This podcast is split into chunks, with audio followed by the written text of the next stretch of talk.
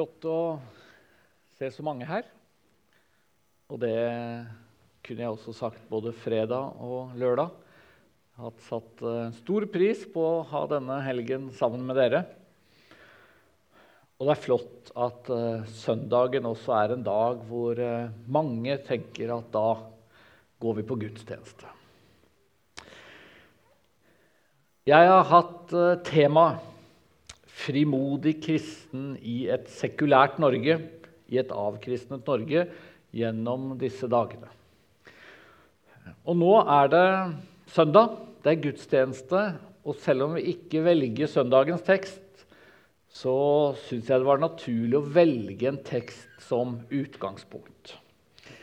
Eh, og dessverre så klarte jeg å snike inn en liten skrivefeil i en eller annen mail. Så det er allerede blitt sagt at det er apostlenes gjerninger 2 som jeg skal tale over. Og de av dere som kan det meste av Bibelen utenat, regner jo med at det er noen her, eh, stusset nok litt på apostlenes gjerninger 2, 8-14. For det er en litt Vi går på en måte veldig midt inn i en tekst. Men det er altså apostelens gjerninger 4, fra vers 8 til 14, som er en tekst om mye frimodighet. Og Da tenkte jeg at den passer det å se nærmere på. Vi skal straks lese den, men la oss kort be. Kjære Herre. Du ser mange av oss som er samla her denne formiddagen, kunne tenkt oss litt mer frimodighet som kristne i vår tid. Og så takker vi for at vi kan samles om ditt ord, at vi kan samles i et fellesskap hvor vi kan bygge hverandre opp og stå sammen i arbeidet med å nå ut. Vi ber om at du kommer nær oss nå, møter oss gjennom ditt ord. Apostlenes gjerninger 4 det er en tekst hvor Peter og Johannes møter det høye råd. De møter anklager fordi de forkynner galt. De har sittet et døgn i fengsel fordi de har forkynt frimodig om Jesus. Og så skal vi da lese hva Peter sier fra Apostelens gjerninger 4, fra vers 8 til 14. Da ble Peter fylt av Den hellige ånd og svarte dem, rådsherrer og eldste i folket, når vi i dag blir forhørt på grunn av en velgjerning mot en syk mann, og blir spurt om hvordan han er blitt helbredet, så skal dere alle og hele Israels folk vite dette. Når denne mannen står frisk foran dere, er det ved navnet til Jesus Kristus, Nazareren. Han som dere korsfestet, men som Gud reiste opp fra de døde. Han er steinen som ble vraket av dere bygningsmenn, men som er blitt hjørnestein. Det finnes ikke frelse i noen annen, for under himmelen er det ikke gitt menneskene noe annet navn som vi kan bli frelst ved. Da de så hvor frimodige Peter og Johannes var, og forsto at de var ulærde menn av folket, undret de seg. De visste at de hadde vært sammen med Jesus. Og da de så mannen som var helbredet, stå der sammen med dem, kunne de ikke si imot. Det er altså teksten. Peter og Johannes, de første kristne i Jerusalem, har altså helbredet en mann. De møter anklager, og så forsvarer de seg. Og de forsvarer seg med så stor frimodighet, står det, at folket undret seg. Så dette må jo være en tekst det er viktig å se nærmere på. Hva er grunnen? Hva er grunnene til denne frimodigheten? Og Det første jeg hadde lyst til å peke på, det var den lille setningen som sto midt inni her, hvor det sto Da de så hvor frimodige Peter og Johannes var, og forsto at de var ulærde menn av folket, undret de seg. Eller I en annen oversettelse står det at, var, at de var ulærde lekmenn. Disse rådsherrene, disse eldste, det var altså mennesker som hadde mye utdannelse. Det var eliten blant jødene. Og så møter de altså Peter og Johannes, som ikke har noe særlig utdannelse å slå i bordet med.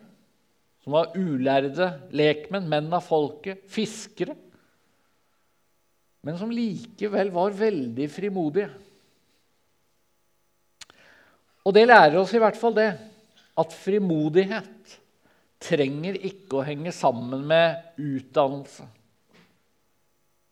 Det trenger ikke å henge sammen med den type posisjon, den type mastergrad og den slags, som også i vårt samfunn settes ganske høyt. Nå er kanskje ikke jeg den rette til å snakke altfor negativt om viktigheten av utdannelse. Jeg har, har en del år med høyskolestudier sjøl og har satt pris på det og syns det har vært nyttig. Men jeg er også redd for at det får for stor betydning. Og ikke minst så er jeg redd for at det sitter noen her denne formiddagen som tenker at ja, men jeg kan jo ikke være frimodig, for hvem er jeg? Jeg har ikke studert apologitikk oppe på Gimlekollen. Jeg kan ikke et ord gresk. Jeg veit ikke hva jeg skal si hvis noen påstår sånn eller kommer med en sånn anklage. Jeg kjenner ofte at jeg står fast når mennesker kommer med sine vanskelige spørsmål. Denne teksten minner oss om at, at frimodighet handler ikke om kunnskap og utdannelse. Det er noe annet som skal til. Og Peter og Johannes hadde dette. Vi skal komme litt tilbake til hva det var. Og Nå har jeg tenkt å prøve å trekke fram noen ting som denne teksten sier at ga disse første kristne grunn til frimodighet. Og Det første jeg har lyst til å trekke fram, det er egentlig det opplagte som står her. Peter sier, 'Vi blir i dag forhørt av en velgjerning vi har gjort'. Og Det tror jeg faktisk er en nøkkel i denne teksten, men også generelt. Som kristne så må vi regne med kritikk, regne med å bli møtt med anklager, regne med å bli møtt med vanskelige spørsmål. Men så blir spørsmålet tenker vi? Er vi overbevist om at vi gjør velgjerninger? At vi gjør gode ting? At dypest sett så er anklagen og kritikken urettferdig? Jeg tror det er verdt å reflektere litt over. Kanskje særlig i vår tid. Det er mange som mener at kristne i altfor liten grad driver med velgjerninger. Vi får ofte høre at vi er fordømmende, eh, at vi er hykleriske. At vi ser ned på vanlige folk. At vi tror vi er så mye bedre enn andre, men kanskje ikke er det. Og kanskje begynner vi av og til å tro det selv også. Jeg syns av og til jeg møter kristne som er veldig raske til å ta selvkritikk på vegne av alt det som har skjedd opp gjennom historien. Alt det kristne har sagt og gjort. Og for all del, det er ting å ta selvkritikk for, men gjør vi først og fremst velgjerninger? Lever vi et sånt kristenliv at vi vet innerst inne at de anklagene vi møter, de er urettferdige?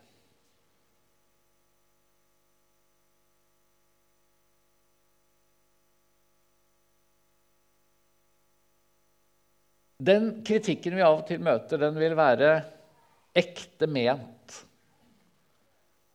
Selv om vi opplever den som urettferdig.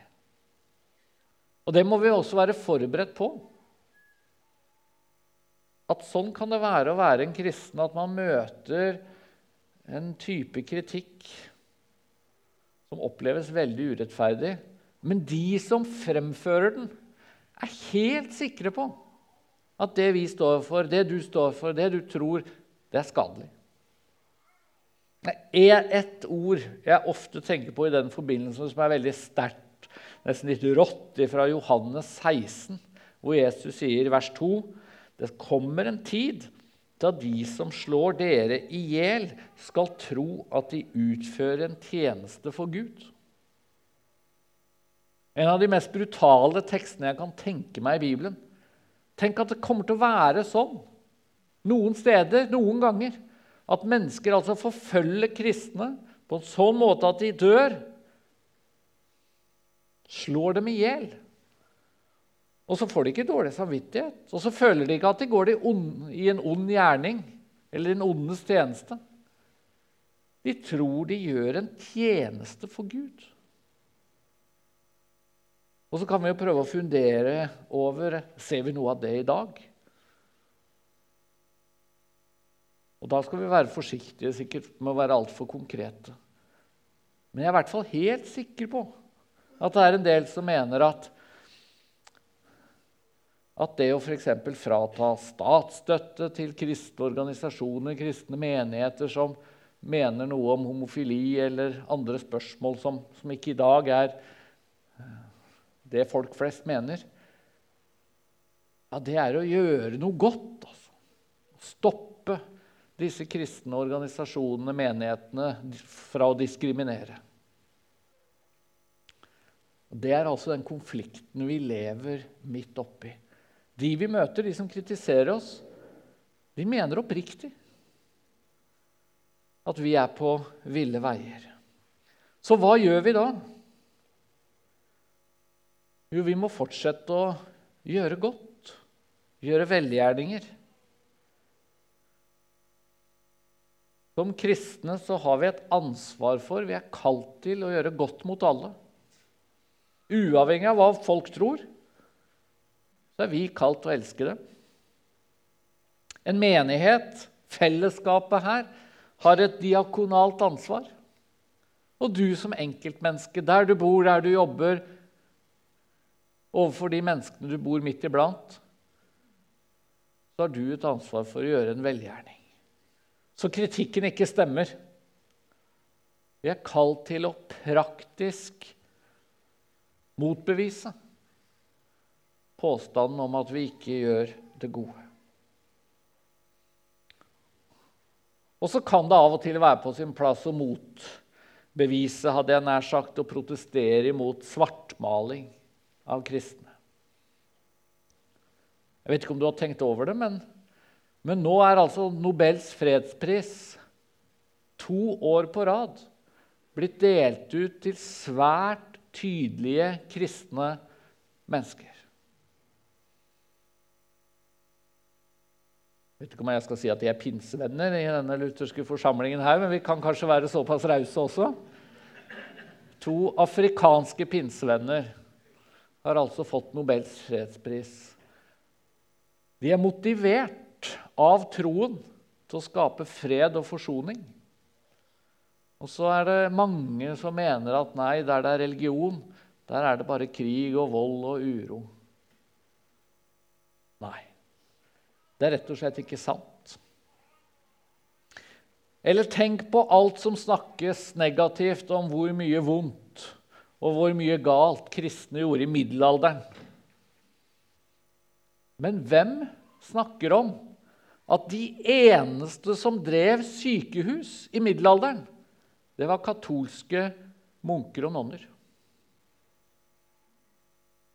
Munkeordenen benektinerne drev 2000 sykehus rundt i Europa fordi de hadde lyst til å gjøre velgjerninger mot mennesker. Det er ren svartmaling å påstå at i middelalderen det eneste den katolske kirke gjorde, det var å fordømme mennesker, motarbeide vitenskap og alt dette vi av og til hører om. Men selvsagt, iblant så stemmer jo kritikken. Iblant gjør vi ting som ikke er bra. Vi opptrer uklokt. Og Vi kan ikke si, som Peter sier her, at vi blir anklaget for en velgjerning. Og Da blir jo også spørsmålet beklager vi da på en god måte.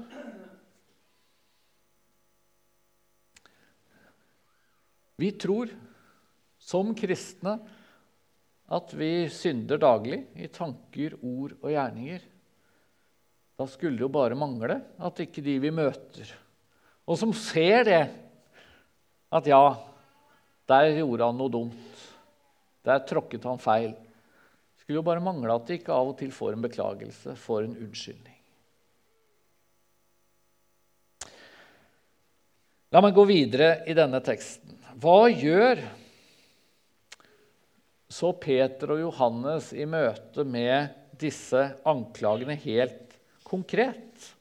Jo, det står at denne mannen som har blitt frisk, han er sammen med dem på et eller annet vis. For det står de så mannen som var helbredet, stå der sammen med dem. Og da kunne de ikke si imot. Og det syns jeg er en interessant liten setning. Fordi det hender at kristne sier, og jeg er faktisk en av de som har sagt det sjøl innimellom, at noe av det verste med vår tid, det er at man kommer ingen vei med argumenter. Man kommer ingen vei med prinsipper. Det eneste folk er interessert i, det er personlige historier. Men sånn har det vel da vært i et par tusen år. For sånn var det jo i denne teksten. Det var bare at her var det de kristne, Peter og Johannes, som dro fordelen av den personlige historien. For det var et menneske der som var blitt helbredet, og som takket både Gud og mennesker.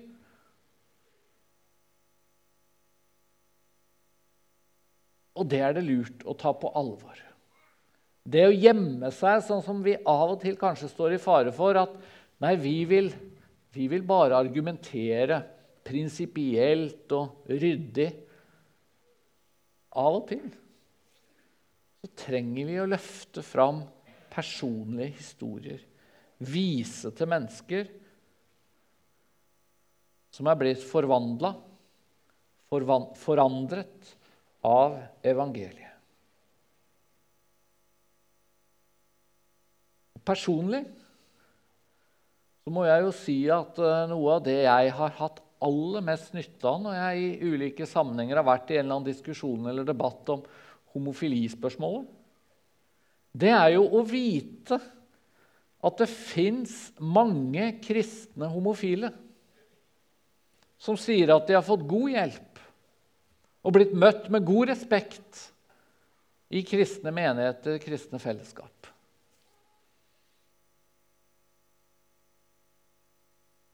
å møte kristne homofile som sier at 'jeg har et godt liv'. Selv om jeg lever som singel, selv om det ikke var mulig for meg å gå inn i et ekteskap, så har jeg opplevd at Gud er god, og jeg er takknemlig for den støtten og den hjelpen jeg har fått. Hadde jeg ikke hatt noen sånne historier, hadde det bare handlet om at ja, jeg ser det står i Bibelen at homofilt samliv er galt, og derfor sier jeg det, men jeg har ikke møtt ett eneste kristent homofilt menneske som stoler på dette, og som lever etter det, hadde ikke vært så lett å være frimodig da. Og så har jeg møtt en del mennesker som har opplevd sterke ting med Gud i den situasjonen.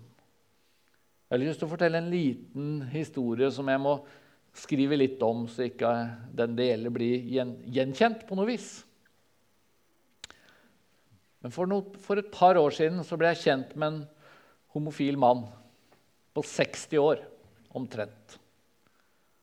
Som hadde vært ganske tydelig ute i medier faktisk, og fortalt at han hadde opplevd seg selv som homofil i 45 år eller noe sånt. Han hadde levd som singel i alle disse årene. Og hadde en veldig frimodighet på vegne av både Gud og Bibel og det hele. Og så var jeg i kontakt med han, for jeg lurte på om jeg skulle presentere hans historie eh, i en artikkel. Og jeg tenker at Det kan bli en sterk historie, det kan bli en flott historie om et menneske som tar konsekvensen av troen sin, som velger å leve som singel og har valgt dette i tiår. Og så plutselig ringer han til meg en dag og sier, 'Du, Espen, vi kjenner jo ikke hverandre så veldig godt, men du måtte nesten få vite dette. Jeg har fått meg kjæreste. Og For å gjøre en sånn lang historie kort og hoppe over litt detaljer og sånn, Han gifta seg for et par år siden med ei dame. Og så fortalte han meg det at han, han hadde i noen tiår virkelig ikke likt historier om mennesker som sier at uh, 'jeg var homofil', men plutselig så ble jeg heterofil. For han hadde jo tenkt at det kommer jo aldri til å skje med meg.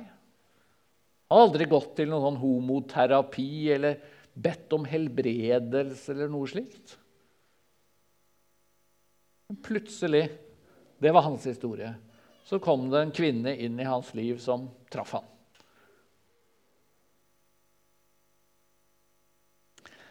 Personlige historier har enorm betydning de skaper frimodighet.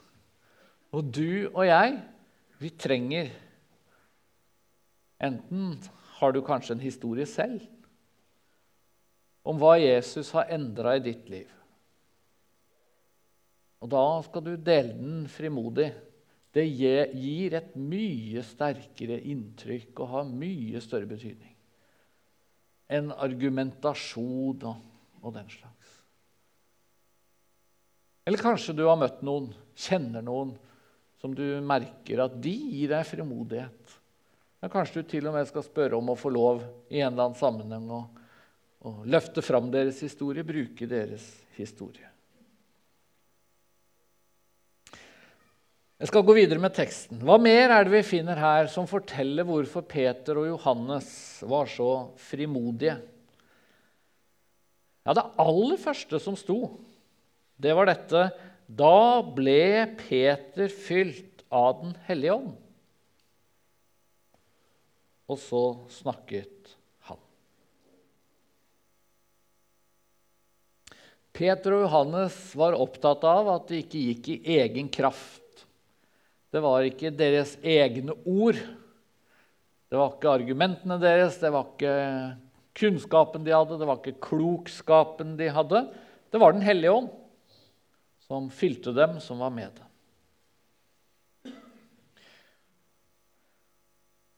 Og så står det også, Det også er jo en av de veldig interessante setningene vi møter mot slutten av teksten.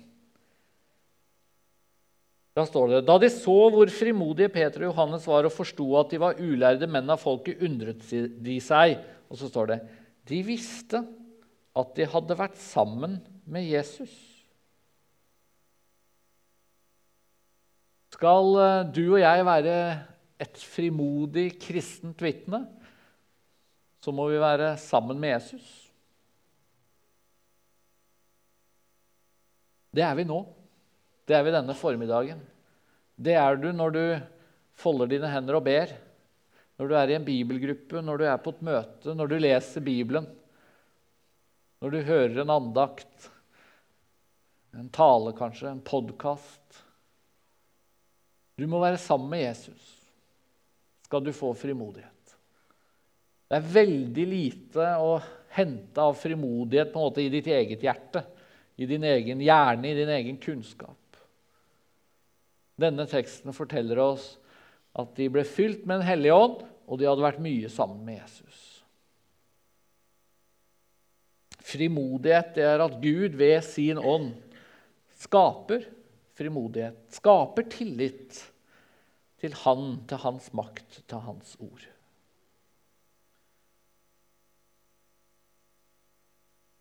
Og så én ting til. Det skaper frimodighet å feste blikket på Jesus, også når vi snakker om troen vår.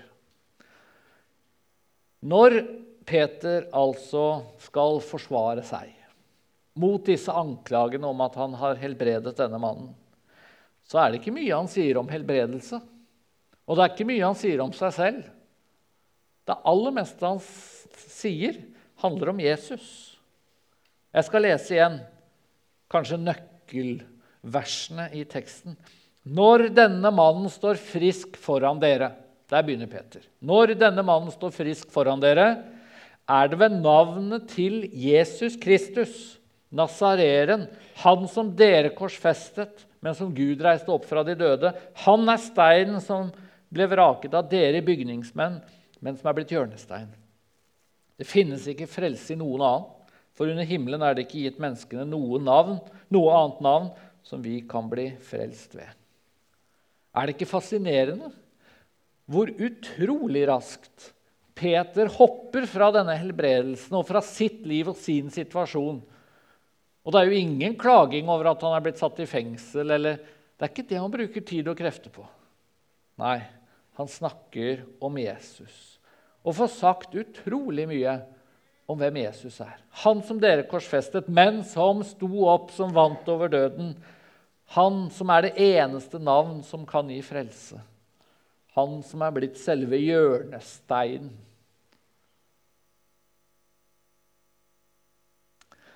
Kritikere de vil veldig gjerne få kristendom til å handle om kristne. For vi er jo syndere, vi gjør jo feil. Vi sier ukloke ting. Det er lett å ta oss.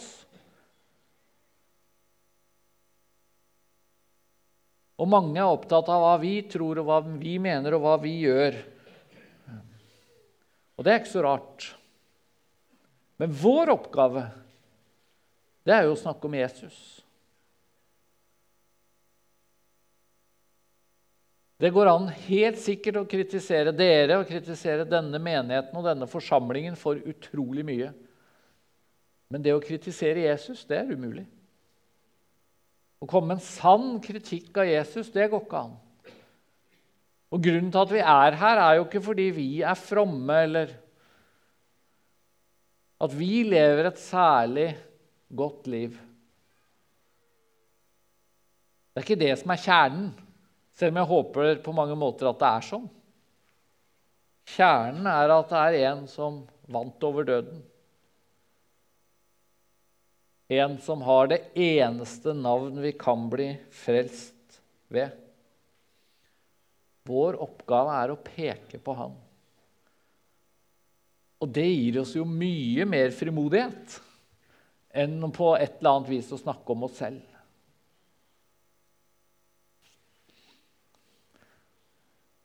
Det hender av og til at mennesker er veldig opptatt av i NLM at vi er en stor organisasjon. Det er ikke lenge siden jeg snakket med en eller annen som var veldig opptatt av er ikke dere Nord-Europas største misjonsorganisasjon. Og Jeg merker det av og til selv, at det kan være litt fristende å si at jo, vi er en stor organisasjon, og vi har mange bedehus og mange misjonærer og mange institusjoner og mange barnehager og mange skoler. Og... Men jeg tror det er en fristelse. At vi snakker om på en måte hva vi får til det synlige kristne arbeidet. Istedenfor å tenke at får vi sjansen til å dele et vitnesbyrd, ja, så la oss snakke om han som er uten svakhet, uten feiltrinn. Han som er det eneste navnet vi kan bli frelst ved. Til slutt litt om det som kommer etter denne teksten. For frimodighet er viktig. Vi, skal, vi er kalt til å være frimodige vitner om Jesus. Men det er altså ikke slik at vi er eh, garantert at hvis vi sier det som er riktig, og det som er sant, på en frimodig måte, ja, da blir mennesker omvendt i hopetall. Hvis jeg ikke hadde sagt noe mer nå, så kunne jo kanskje dere sitte der og tenke at, at denne teksten den førte helt sikkert til at mennesker ble omvendt i hopetall. For var det ikke en fantastisk liten andakt Peter fikk holde Og de som, de som var der, fikk altså møte et menneske som var blitt helbredet. Er det noe mer som skal til da for at mennesker skal bli kristne, enn at de både får se en helbredelse, et mirakel, og attpåtil så får de en fantastisk forkynnelse av Han som er det eneste navnet vi kan bli frelst ved? Men hva skjedde? Og La oss lese de neste versene. Fra vers 16. De sa, 'Hva skal vi gjøre med disse menneskene?' De har gjort et åpenlyst under. Det er klart for alle som bor i Jerusalem, vi, Jerusalem, og vi kan ikke nekte for det. Men dette må ikke få lov til å spre seg mer blant folk. Derfor skal vi true dem, så de ikke taler til noe menneske mer i dette navnet. Er det ikke egentlig utrolig rart? Her sier disse jødiske lederne at vi kan ikke nekte for at det har skjedd et mirakel. Men vi skal likevel true dem, for dette må vi stoppe. Denne teksten forteller oss at uansett hvor frimodige vi er, og til og med uansett hvor store mirakler mennesker kan se og oppleve, så er det ikke sikkert at det fører til omvendelse. Jeg tror at En av problemene vi har som vestlige kristne, det er at vi tenker at åh, jeg hadde blitt så mye mer frimodig hvis jeg bare så et under til, et mirakel til. Og tenk hvor mange som hadde blitt kristne i Kristiansand hvis de, hvis de bare så mer fantastiske ting skje. Men vi mennesker, vi vil faktisk ikke tro. Og det å sørge for at Gud snur oss rundt, tar tak i hjertet vårt, tar tak i samvittigheten vår, så vi begynner å tro, at det skal litt til, det. Og Apostlenes gjerninger er en fortelling om at mennesker opplever ganske fantastiske ting som de kristne gjør. Det er mye under, det er mye mirakler, det er mye fantastisk. Men det er bare noen som omvender seg og blir kristne. Og Det er også en påminnelse om at vår rolle det er ikke å tenke at hvis vi gjør sånn, så blir dette resultatet. Hvis vi er litt mer frimodige, opplever litt mer under og mirakler, er litt flinkere til å argumentere, ja, da kommer mennesker til å bli kristne. Vi må rett og slett overlate alt som har med resultater, til Gud. Og vi må være forberedt på at mennesker vil snu ryggen til Gud, takke nei til Jesus, også om det sånn ytre sett skulle se ut som at alt lå til rette for at han eller hun burde bli en kristen. Det fins mennesker som, som, har opplevd sterke ting med Gud. Og likevel så vil de ikke ha med han å gjøre. Vår oppgave er å være frimodige kristne. Og det var det også Peter og Johannes gjorde. Jeg leser de siste versene. Men Peter og Johannes svarte dem, døm selv om det er rett i Guds øyne å adlyde dere mer enn han. Vi kan ikke la være å tale om det vi har sett og hørt. Da truet de dem enda mer, men lot dem gå. For de fant ingen mulighet til å straffe dem så lenge hele folket lovpriste Gud for det som var skjedd. Disse ble ikke kristne. Men Peter og Johannes de fortsatte å fortelle om det de hadde sett og hørt. Det også kan vi ta til oss til inspirasjon. Amen.